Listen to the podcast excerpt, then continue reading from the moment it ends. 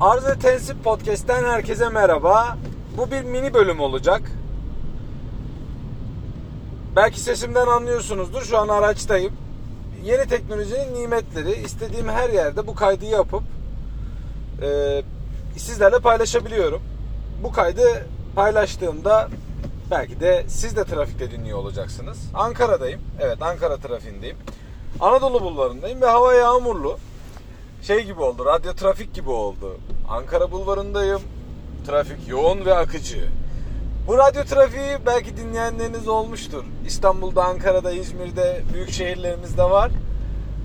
Çok şevkli bir biçimde gönüllü muhabirlik tanımı altında insanlar yayına bağlanıp trafik durumunu bildiriyorlar. İnanılmaz güzel bir şey. Buradan baktığınızda halkımızın inanılmaz yardımsever e, olduğunu düşünebilirsiniz. Ancak şöyle bir durum söz konusu ahlaksızlarız genel itibariyle. Bunu neden söylüyorum? Bu yardımsever gibi görünen halk aslında çoğu zaman trafikte bir diğerinin hakkına korkmadan ve çekinmeden tecavüz edecek e, şekilde araç kullanıyor. Ve bundan da herhangi bir çekince duymuyor. Mesela sağa dönecek. Sağ şeritte trafik yoğun. Sağdan trafiği takip ederse sağa dönme kuyruğunu beklerse belki 15 dakikada varyanta ulaşıp dönüş yapacak ama arkadaş hemen soldan akan şeritten en dış şeritten yardırıyor. Kuyruğun en başına gidiyor ve oradan giriş yapıyor ve radyo trafiğe telefon açıyor. E, merhaba Anadolu bulvarındayım. Trafik yoğun ve akıcı. E, yoğun ve akıcı değil. Senin yaptığın pezevenklik yüzünden arkadaki şişme arttı. Yoğunluğun sebebi senin pezevenkliğin. Sen diğerlerinin hakkına saygı duyan bir insan olsan, Allah'tan korkan, kuldan utanan bir insan olsan bu ahlaksızlığı, bu pezevenkliği yapmazsın ve bize de sana pezevenk deme e, cüretini vermezsin. Ha, ben gerçi her türlü sana pezevenk derim ayrı konu ama neyse. Çok küfür ettim özür dilerim bu arada. Podcast'im her ne kadar aileye uygun bir podcast olsa insan ister istemez sinirleniyor. İşte bu ahlaksızlar toplumun hemen hemen her kesiminde mevcut. Son derecede rahatlar. Yaptıkları şeyin onların hakkı olduğunu düşünerek yapıyorlar.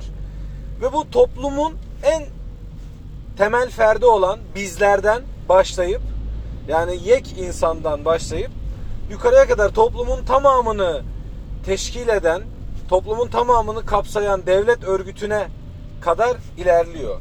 Zincirleme bir biçimde ilerliyor. Geçen gün bir arkadaşımla otururken selam olsun belki hatırlayacaktır. Fraktal kelimesini kullandı. Ben de ondan duymuş oldum.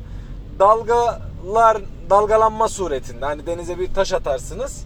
Suya bir taş atarsınız durgun bir suya ve o taş dalgalanarak büyür. Fraktal bir hareketmiş bunun adı. Ben bilmiyordum. Tabi mühendislik okuyanlar böyle afilli terimleri daha iyi biliyorlar.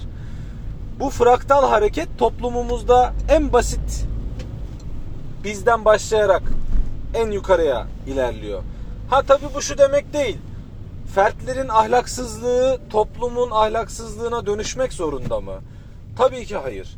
Eğer başımızda düzenleyici bir erk varsa ki devlet zaten bence dünya tarihi boyunca devlete onlarca tanım yapılmıştır. Bana en yakın gelen tanım aslında toplumsal arasında, toplumun arasındaki, fert, toplumdaki fertlerin arasındaki ilişkileri düzenleyen bir yapı olması cihetiyle bence devlet gerekli ve önemli bir aygıt. Ancak baktığımız zaman bizim devlet aygıtımız da bizim gibi çalışıyor. Yani tabi buna kimi zaman ya esneklik denebilir. Bu çalışma biçiminin e, değişkenliğine. Çünkü bir kuralı koyduğumuz zaman o kuralın insan fıtratına uygun olup olmaması veyahut da uygulanabilir olup olmaması aslında devletimizin bizim tırnak içerisinde Türkiye Cumhuriyeti Devleti'nin çok da ilgi alanına giriyor gibi değil.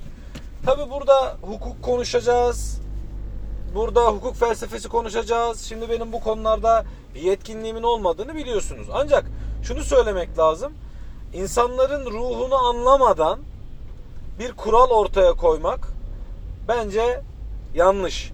Ve bu kuralları ortaya koyarken de tabii ki fiziki imkanları, şartları, zamanı ve zemini de göz önünde bulundurmak gerekiyor. Yani her şey kuralı koymakla bitmiyor. Yani bu kuralı buraya koydun ama bu yol böyle bir yol mu? buradaki bu yoldan geçecek olan insanların çoğunluğu sağa mı dönüyor, sola mı dönüyor? Sen bu varyantı bu insanların ihtiyacına uygun biçimde mi yaptın? Bütün bunların hepsi sorulması gereken sorular. Tüm bu sorulara evet ben bu varyantı bu trafiğin yoğunluğuna göre yaptım. Ancak yine de bu ahlaksızlık yapılıyor ise işte o zaman orada devletin sert demir yumruğu devreye girecek. Sen her şeyi hakkınca yapmana rağmen vatandaş uygunsuz davranıyorsa o zaman sen demir yumruğunu konuşturacaksın. Ancak maalesef böyle değil. Tabi bu böyle olduğu için hani herkes yediği haltın farkında olduğu için kimse düzeni bozmak istemiyor. Giden düzen, problem artık kangren haline gelene kadar kimse bu konuyu iplemiyor. Ne zaman ki bu konu kangren haline gelir, varyant örneğini vermiştim. Ne zaman ki artık o varyantta insanların trafikte bekleme süreleri 2 saate çıkar, 3 saate çıkar, e, artık orası işlemez hale gelir. İşte o zaman bizim biricik devlet aygıtımız e, devreye giriyor ve hemen üstün Türk mühendisliğini devreye sokarak bir önceki varyantı biraz daha genişletiyor. Ancak yine ihtiyaca cevap verebilecek mi? Soru işareti. Yani o günün ihtiyacına cevap verebilir ama ilerleyen zaman için aynı şeyi söyleyemiyoruz. Yani planlamadan yoksun, bir gelecek vizyonundan yoksun şekilde hareket ediyoruz. Hemen kısa bir örnek daha vereceğim. Biliyorsunuz altyapımız var. İşte kanalizasyonlarımız var. Toplumun en önemli ihtiyaçlarından bir tanesi de bu kanalizasyon ve altyapı. Temiz suya ulaşmak, kirli suyu uygun bir biçimde bertaraf etmek. Özellikle dinimiz temizlik ve nezafet dini. Bizim dinimizi yaşayan insanlarda özellikle bu çok önemli bir ihtiyaç. Temiz suya erişmek ve kirliliği evden e, bertaraf edebilmek. Neyse. Şuna geleceğim. Altyapı kuruyoruz değil mi? Altyapı sistemleri kuruyoruz. Farz edelim bir yolumuz var. Bu yolun altından o semte bir kanalizasyon yapısı geçmesi gerekiyor. O semtin o günkü nüfusu bin kişi.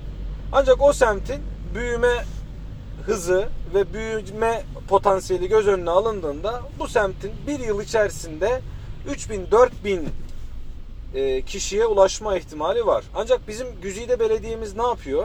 Hemen bir imar planı yapıyor.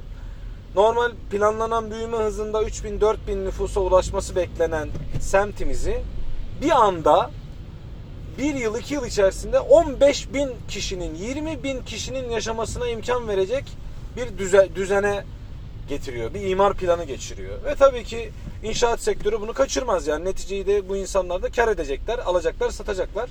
Hemen belediyenin verdiği onaylara uygun biçimde o bölgede yapılaşmayı yapıyorlar ve hepsi 2000-3000 kişilik planlanmış kanalizasyon altyapı sistemine 10-15 bin kişilik bir altyapı yükü bindiriyorlar ve tabii ki bu neye mal oluyor?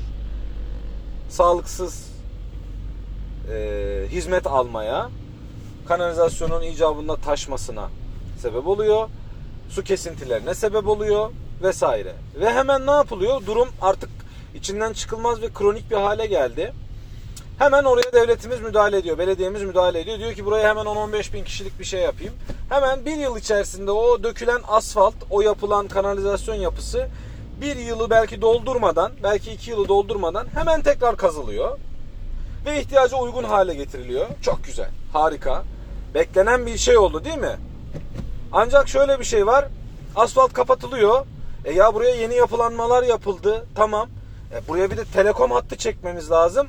Evet doğru söylüyorsunuz. Kazın bir daha asfalt abicim. Asfalt bir daha kazılıyor. Tekrar kapatılıyor. Ya şimdi biz buraya normal altyapı çektik ama e, e fiber altyapı çekmedik. Süper online fiber altyapı çekmesi lazım. Aa öyle mi? Tamam kaz kardeşim. Ne oldu? Yani yapılan iş 5 sefer aynı yer belki 6 sefer bir iki seferde yanlış yapılsa kazıldı, asfalt döküldü, bilmem ne yapıldı. Tamamen planlamadan yoksun, tamamen gelecek öngörüsünden yoksun bir çalışma sistemimiz var. Ve geçen gün Turgut'la kaydı yaparken Turgut kızdı yani hani halkın durumuna kızdı 60-70 jenerasyonuna kızdı haklı olarak ve şu anda bu insanların yönettiği bir yapıdan bahsediyorum. Benim verdiğim örnek de aslında bununla alakalı. Ama bakın başladığımız yere geri dönelim. Mini podcast olacak demiştim. Söz uzadı. Ahlaksızlık bizden başlıyor. Ahlaksızlık bizim itelememizle yukarıya doğru çıkıyor. Ha şuna geleceğiz. O zaman ben doğru olduğumda diğerleri de doğru olacak mı? Hayır. İşte orada da devlet aygıtı kanunuyla, prensibiyle, KHK'sıyla, yönetmeliğiyle, kolluk kuvvetiyle, belediyesiyle, zabıtasıyla devreye girecek, düzenleyici önlemleri alacak ve halkı bu düzene alıştıracak. Ya seve seve ya da seve seve bunu yapacak. Kısa kesiyorum. Umarım meramım anlaşılmıştır. Hepinize çok teşekkür ediyorum. Podcast'imi dinlediğiniz için bu konuları yüksek bilgilerinize ve tensiplerinize arz ediyorum.